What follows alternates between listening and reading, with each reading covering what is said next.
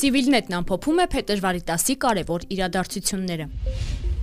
Հայաստանի էկոնոմիկայի նախարարությունն իր առաջ խնդիր է դրել այս տարվա համար 1 միլիարդ դոլարի չափով ներդրումներ գրավել։ Խորհրդարանում պատասխանելով իմ քայլի падգամավոր Արտակ Մանուկյանի հարցին, ասաց էկոնոմիկայի նախարար Վահան Քերոբյանը։ Նախարարը նշել է, որ կան մի քանի տասնյակ ներդրումային ծրագրեր, որոնք կուտակվել են ու չեն իրագործվել, եւ իրենք օգնելու են, որպիսի այդ ներդրողները շուկա բերեն իրենց նախագծերը։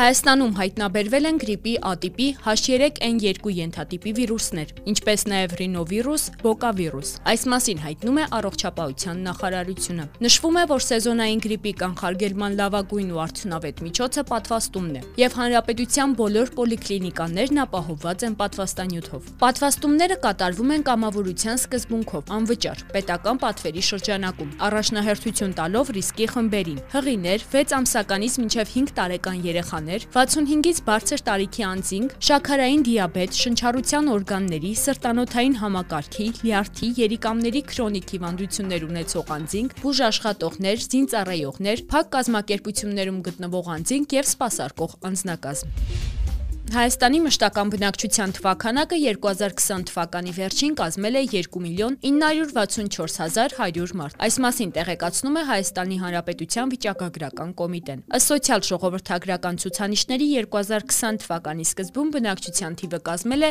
2 միլիոն 959700, տարեվերջին 2 միլիոն 964100 մարդ։ 2020 թվականի ընթացքում Հայաստանում ծնվել է 36448 երեխա, 19098 տղա, 17035 աղջիկ։ Նախորդ տարվա համեմատ ծնվել է 407-ով ավելի երեխա։ 2020 թվականին մահացել է 35371 մարդ, որը շուրջ 10000-ով ավելի է 2019 եւ 2018 թվականների ցուցանիշներից։ Մահերի աճի ցուցանիշի վրա մեծապես ազդել են կորոնավիրուսը եւ պատերազմը։ Նախորդ տարվա 2291 դեպքերի գրանցումները ռազմական գործողությունների հետևանքով են, 3405-ը կորոնավիրուսի։ Վիճակագրությանն ամբողջությամբ կարող եք ծանոթանալ Civilnet-ի կայքում եւ Facebook-յան էջում։